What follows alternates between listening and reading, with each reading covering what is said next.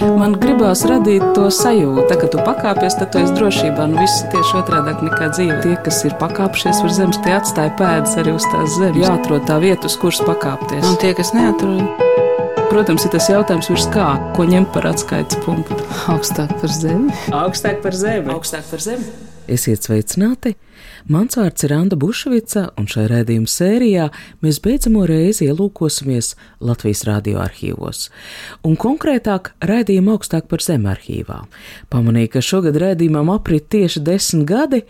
Tortes nebūs, bet gribējās uzmeklēt rādījumu varoņus, kurš šai reizē sēdināt ap galdu. Un, kad biju izdarījusi savu izvēli, pārsteidzoši, bet visus trīs rādījumu fragmentus sasaista lauku mājas tematika. Jā, tie būs trīs mazliet aizmirst kultūras notikumi, trīs personības, un pirmā no tām - mākslinieks Kristaps Epners. 2016. gads - Cēsu mākslas festivāla laikmatīgās mākslas izstāde, un tajā Kristapa Epnera darbs uz mani ir atstājis iespaidu.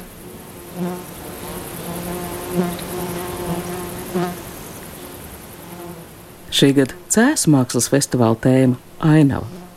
Cēs vecajā Alasbrūzī skatāmā vizuālās mākslas izstāde, tad nu arī saucās laikmatīgā ainava. Un visai drosmīgi spēlējas ar šo jēdzienu, rādot gan uz datora ekrāna redzamo mūsdienu cilvēkam daudz ierastāko ainavu, gan apspēlē renesanses gleznotāju ainavā ieraudzīto gaismu, vai arī izgudro veidu, kā sarunāties par to, kam mākslinieki paši devuši nosaukumu domāšanas ainavu. Kristapa Epnera darbs šajā izstādē saucas Logi. Un mākslinieks patiešām ir filmējis sešu pamestu lauku māju logus. Izstādē šo darbu izrādot kopā ar ierakstīto skaņu.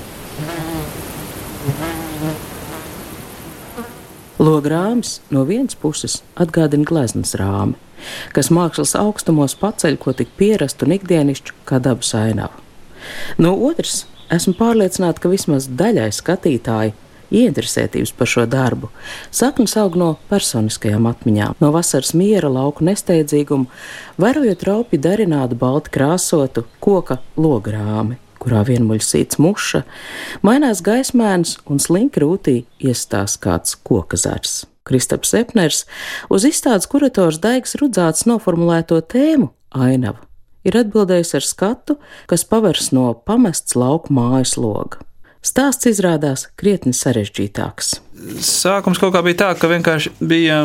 Nu, es tur ar vēl vienu mākslinieku, Jānu Blanku. Es šad un tad skrienu pa purviem, pa mežiem un pa upēm, pa džungļiem. Ar jaunām kartēm, vecām kartēm meklēju kaut kādas paslēptas kontrolpunktus, un tas saucās piedzīvojums sacensības.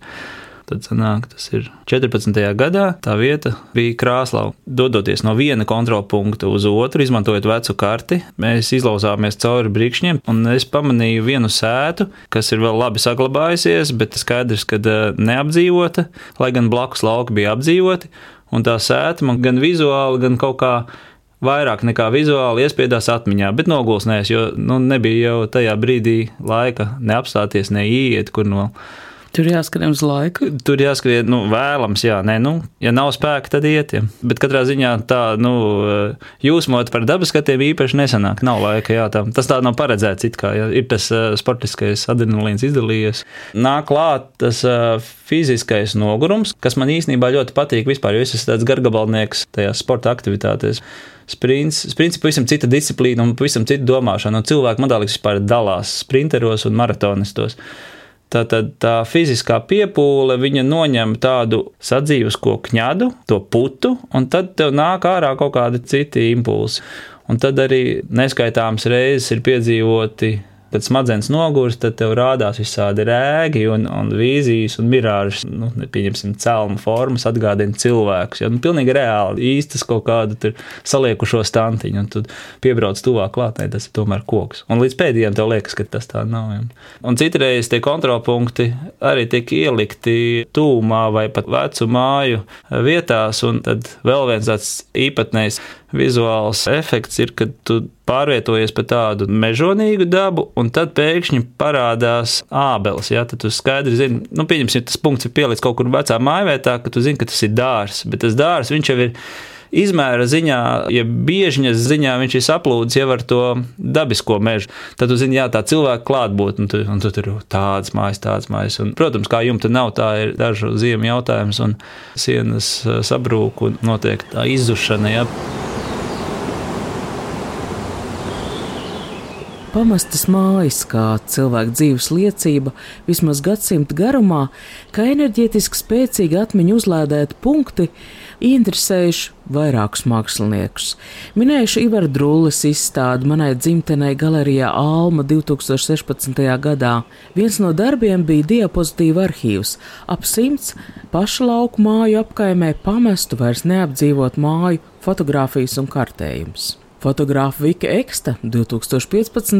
gadā Kultūras pilī Ziemeļblāzma izstādē Dievs daba darbs ir radījusi darbus, kuros sev fotografējas pamestā lauku mājā, pie kam nevis vienkārši fotografējas, bet arī uzvilkusi šo lauku māju skapī atrastās drēbes sev mugurā, iedomājusies, mēģinājusi atkārtot tās kādreizējo viņas neiepazīto iedzīvotāju darbības, apsēdusies pie galda, mazgājusies baļā, lasījusi ābols un to visu dokumentējusi fotoliecībās.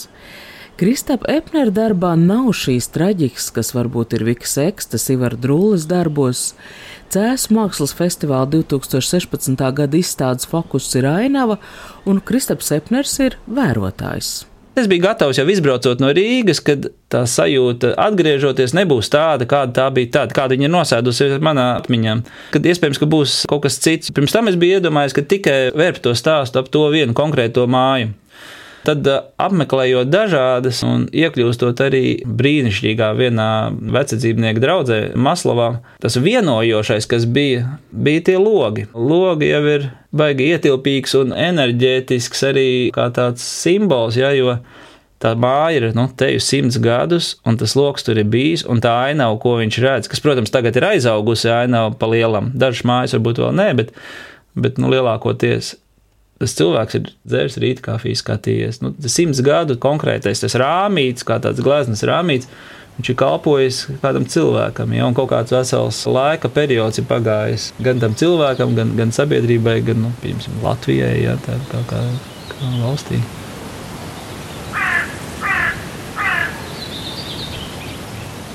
Jau kā mākslas darbu skatītājs, Cēsu mākslas festivāla izstādē Laikmetīgā ainava Es mēģinu par šo mākslinieku atrasto tēmu domāt bez sāpes par Latvijas viensētu aizējošo dzīvesveidu, un ko līdzīgi pauž arī Kristaps Epners. Man nemaz nebija, ka tas būtu kaut kas skumjš un, un tāds fatāls, ka tie cilvēki pārstāja būt tajās vietās un iznīks tās saimniecības. Nu, tā ir tāda, nu, tā liekas, tāda apmaiņa, kas ir bijusi pirms tam un būs arī nākotnē. Arī tie dokumenti, ko es atrodu mājās, viņi jau skaidri un gaiši parāda to, ka vēl pat simts gadi nav pagājuši, ka cilvēks ir ienācis tajā dabā tur konkrēti. Tas ir tātad pēc brīvības cīņām droši vien viņam ir piešķirts kaut kāds gabals zemes. Valsts ir bijusi ieinteresēta, lai tiek apgūta tā teritorija, viņam tiek iedoti tie 800 zelta lati un piešķirti 40, bet nosītrots nevis 40, 41 baļķis, mājas un šķūņi celtniecībai. Tātad viņš ir ienācis tajā dabā. Nu, tagad cikls ir beidzies, nu varbūt ir bijis vēl arī tā visdrīzāk paudzes, varbūt divas, trīs paudzes ir nodzīvojušas tajās vietās, un tās mājas tagad vēl turās, bet, nu, principā tā daba vai arī kaimiņš, kurš ir aktīvāks, viņš pārņem, un viss atkal aiziet tādā sākotnējā. そして今2013年長き長き命の鎖の先端を Mēs Homo sapiens esam aptraipījuši un piesārņojuši jaunāko posmu garumu garajā un 4 miljardus gadu ilgajā dzīvības jostā. Zemestrīces sakrata ar plutoniju pildītos kodola reaktorus, pat ja tie ir izslēgti. Šajā niecīgajā, bet nolemtajā joslā ir uzbūvēti 55 kodola reaktori. Rudenī pārsātinājums debesu zils. Nākamos 20,000 gadus dzīvo būtņu ģenētisko veidolu uz šīs planētas kontrolēs Plutonijas. この星にプルトニウムは支配する2万年もの命の Kono Marija, dzēsdienu viešņa.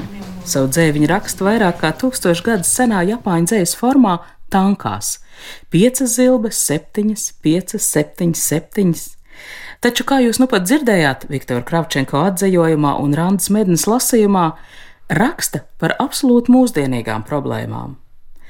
Nu, pats dzirdētais dzējolis bija par 2011. gada 11. martu, kad Japāna satricināja deviņas balvas stipra zemestrīce, kurai sekoja tsunami vilnis. Taču tas vēl nav viss. Konom arī šogad uz Rīgu atved uz programmu Durvis zvaigžņu veida, kurā paralēli šim dinamiskajam vēstījumam pret atomenerģiju glāzmainajā šī Nobela flautas pavadījumā skan arī Edvards Virzas straumēnu atceļojums Japāņu tankās.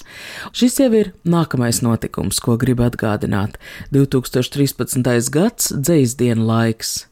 Un toreiz vēl kāda pārsteidzoša personība, kurai cieši sakars arī ar Latvijas kultūru, viesojās Rīgā - Japāņu dzēniece Kono Marija.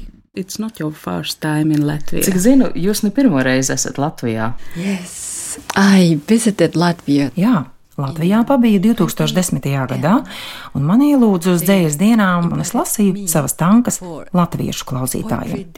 Tas man bija liels gods. Pēc tam Jāņa Rozes grāmatnīcu tīkls pasūtīja man tanku dzējas krājumu, lai piedāvātu to arī latviešu lasītājiem. Un tas bija laimīgākais brīdis manā mūžā. I was, it was the happiest moment for me. Sakiet, šī jūsu grāmata bija japāniski? In Japanese, in English, and in Latvian. In She Latviju, Japāniski, angliski un latviski. Tad jau mums jāsāk šis stāsts no paša sākuma. Kā tas gadījās, ka jūsu Japānā iznākušais dzējas krājums Zvaigžņveida sniega kristāls bija arī latviešu valodā? It all started when I met a beautiful tapestry woven by an Latvian weaver. Her name is Vaiva Ritere. Viss sākās, kad es ieraudzīju kādu brīnišķīgu gobelēnu. To bija noaudusi latviešu tekstilmāksliniece Baiba Rītere. Šis gobelēns bija ieguvis godalgu sniega un ledus muzeja rīkotajā konkursā, un es tajā burtiski iemīlējos. Tobrīd gatavoju savu otro tanku krājumu, un es gribēju, lai šī gobelēna attēls būtu uz mana krājuma vāka. Mana grāmata bija tik skaista, ka es izlēmu to aizsūtīt arī uz Latviju, kur to pamanīja Kravčenko kungs, un bija tik laipns daļu no manām tankām iztulkot arī latviešu. Publicēja tā žurnālos un avīzēs. Un tas arī bija iemesls, kāpēc mani 2010. gadā uzaicināja piedalīties dzējas dienās Latvijā. Un arī deva man iespēju strādāt Vēncpils starptautiskajā rakstnieku un tulkotāju mājā četras nedēļas. Tas bija labākais gads manā mūžā. Krājumam ir divi atzīvotāji, Līga Buševits un Viktors Kravčenko. Es jautāju Viktoram, kā viņa prāt viss sākās. Kāpēc Konom arī tanks tā aizķēra viņa interesi? Un man par pārsteigumu, nu jau šis stāsts par Japāņu dzēnietes nokļūšanu Rīgā sākās ar sniegu. Konam arī ir tā kā viena brīnišķīga lapuse tādā sadarbībā sniega kultūras jomā. Tā to var nosaukt starp Latviju un Japānu, kas norisinās nu, varbūt jau kopš 2005. gada. Mēs varam teikt, kad um, Latvijas dabas muzejā bija izstāde sarunas ar sniegu un ledu, kas bija veltīta arī Japāņu sniega un ledus pētniecībai. Un, mākslas un zinātnes attiecībām. Šī sadarbības sniega. Izstādes sarunas par sniegu un ledu Latvijas dabas muzejā patiešām bija tāds notikums.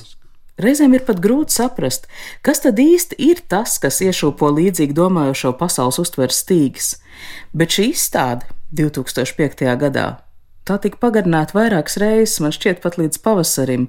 Pieaugušie un bērni studēja sniega kristāla dažādību, ar laminētiem sniega kristāla attēliem gāja ārā un sijāja kupenes. Čukstēja ūdenim mīlu un atskaņoja tam Mocartu, pētot sniega kristāla zīmējuma izmaiņas. Tā bija kā jauna kontinenta atklāšana, un savā ziņā mēs atklājām sev Japānu. Japānas sniega un ledus muzejs, kas organizē izstādi, atrodas Japāņu zinātnieka Ukichiro Nakajas dzimtajā pilsētā Kāgā. Tā ekspozīcija lielā mērā ir saistīta ar ūdens dažādu agregātu stāvokļu zinātnisko izpēti. Taču no līdzīgiem muzejiem tas atšķirās ar joprojām nepazaudēto spēju par to visu arī sajūsmināties, brīnīties. Iztēles robežas paplašinot arī ar mākslas palīdzību. Un tas arī ir tas iemesls, kāpēc Sniega un ledus muzejā Japānā atradās Baibas Rīters Gobelēns savienojums. Tur notika arī trilinguālā dzējas krājuma zvaigžņveida sniega kristāls atvēršanas svētki, kurā Konno Marija dzēja Japānā skanēja ar latviski. Un latviski šo dzēju skandēja Randa Medne. Radās ideja veidot kopīgus koncertus Japānā. Man bija tā laime būt arī šo te koncertu dalībniecei. Un papildinot to sākotnējo domu par sniegu kultūru, man kopā ar Viktoru Kravčenko radās ideja aiznest uz turieni nelielu daļiņu no Latvijas sniega izpratnes, kas bija Edvarda Virzes fragmenti no grāmatas straumēni. No kurienes tik traka ideja tieši virs straumēni? Kuram tā iešāvās prātā? Godīgi sakot, mums abiem tā ienāca prātā vienlaicīgi. Vienīgi Viktora ideja bija vēl labāk pārveidot šos teikumus tankās. Un, un man tā ļoti, ļoti iepatikās, un tā arī tā tika realizēta. Shadow Brook 冬リセタタイト雪を受け枝はたわめり暖かく聖なるものの生き受け仕事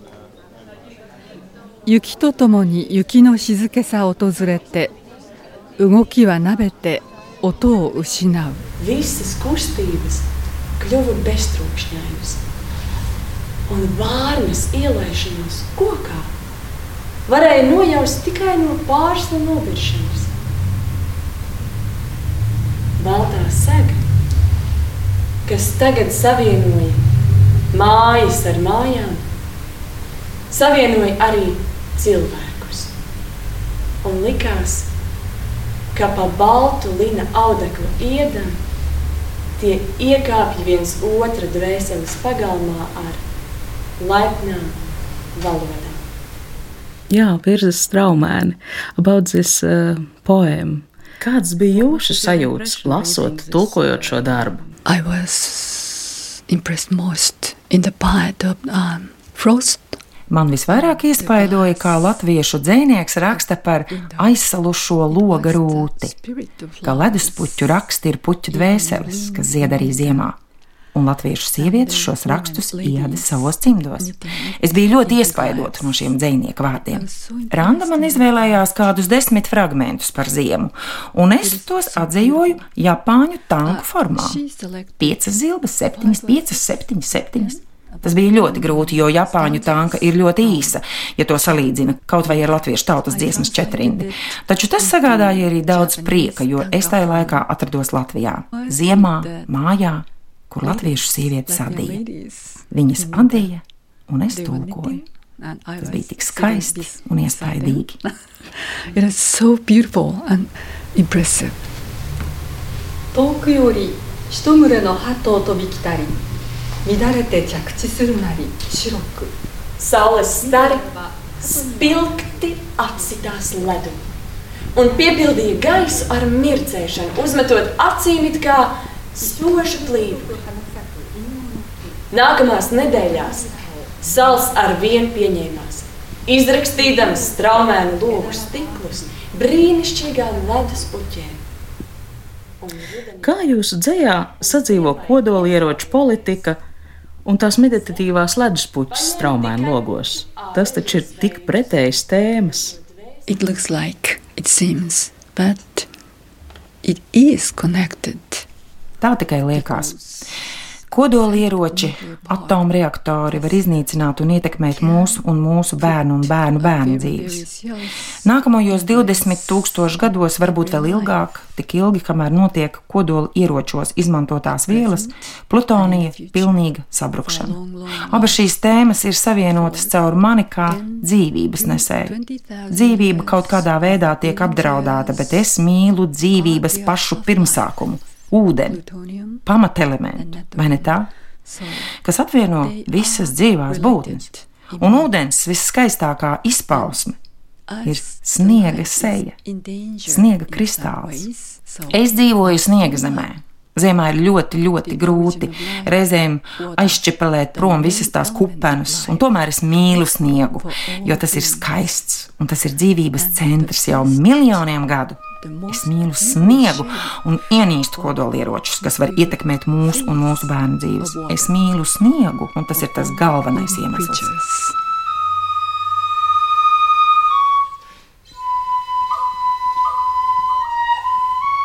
Edvards Virzas straumēna, protams, ir tā tēma, kas sasaista Kristapa Epnera lauka mājas logu ierāmēto ainavu un japāņu dzēniece Konno Mariju, kur caur sniegpārsliņu seju tik dziļi izjutusi latviešu viensētas mieru un nošķirtību ziemā. Bet man padomā vēl ir trešā māja - dzēnieka Edvarda Trēmaņa zvārguļu uzbūvētās Leukādijas. Un šai gadījumā stāsts nav par māju kā ideju, kā simbolisku tēlu, bet par ļoti fizisku, dzēnieki paši iecerētu un uzbūvētu māju, māju netālu no cēsīm pie Raunas ietekas gaujā.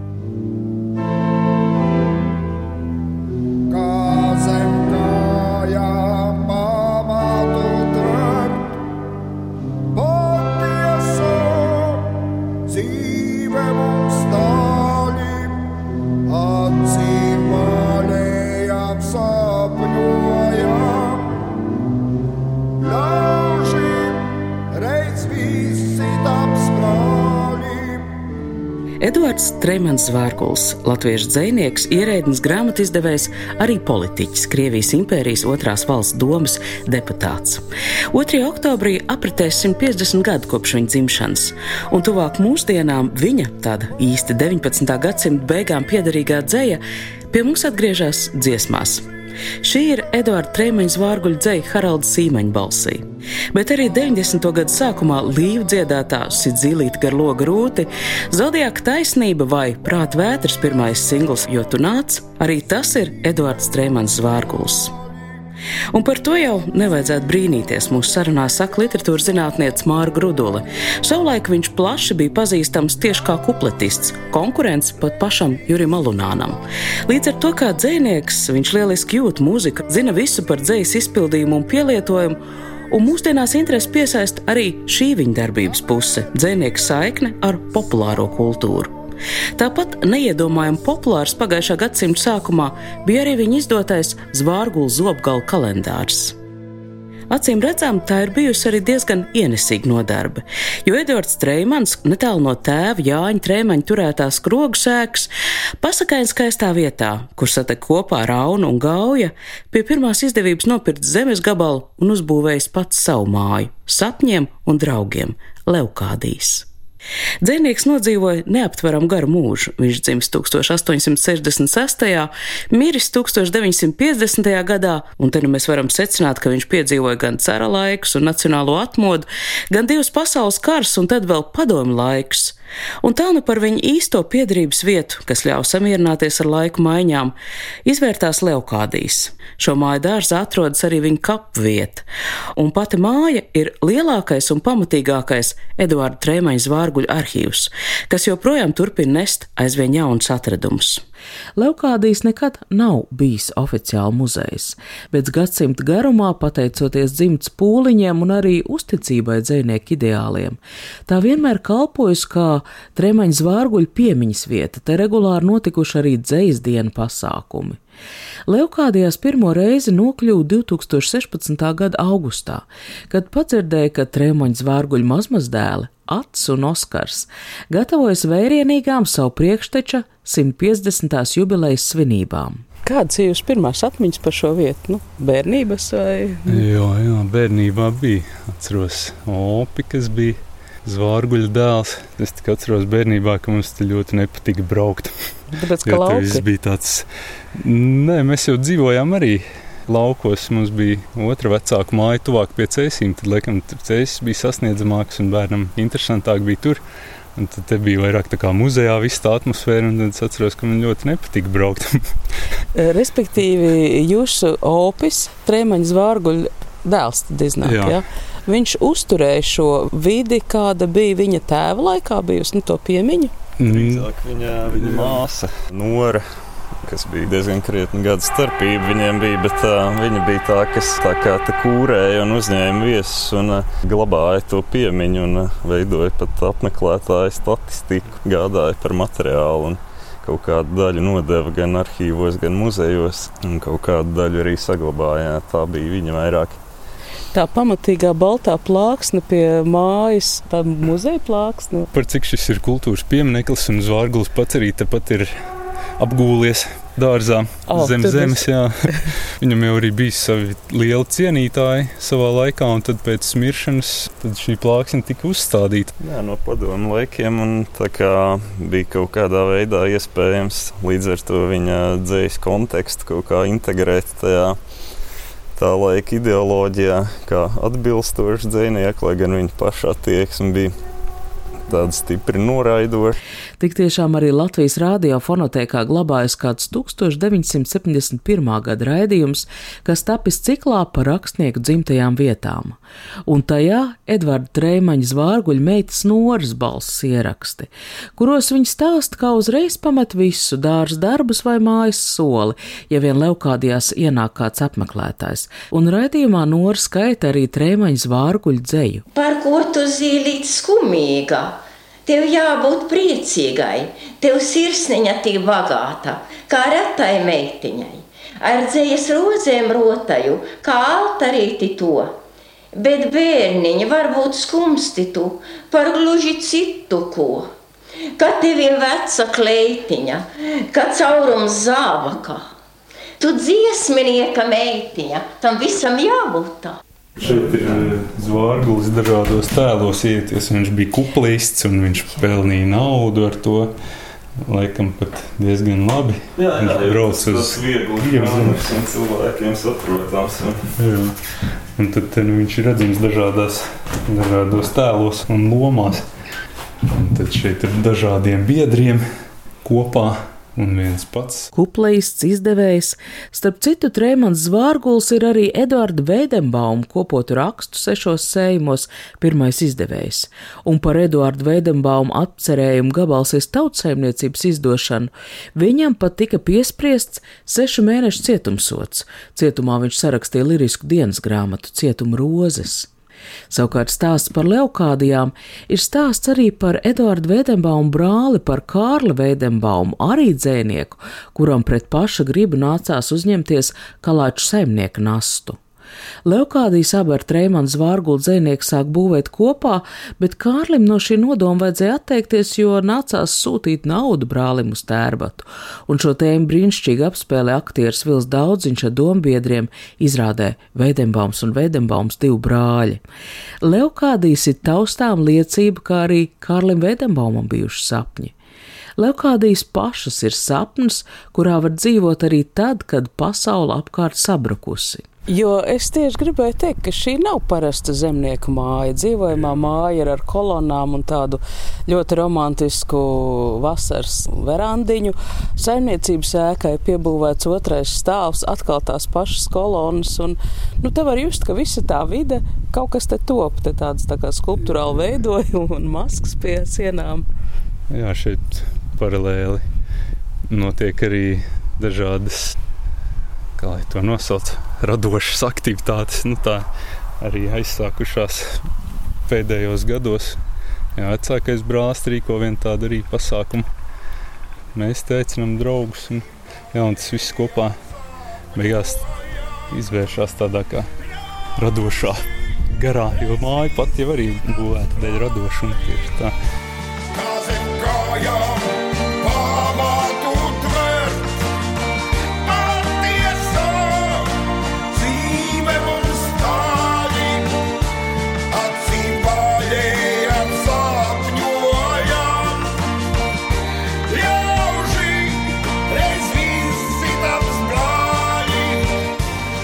Trīs stāstus no raidījuma augstāk par zemi desmit gadu arhīva atgādināja šī raidījuma veidotāja Anna Bušvica un skaņu operators Valdis Raitums, lai tie kalpo par vietu, uz kuras pakāpties.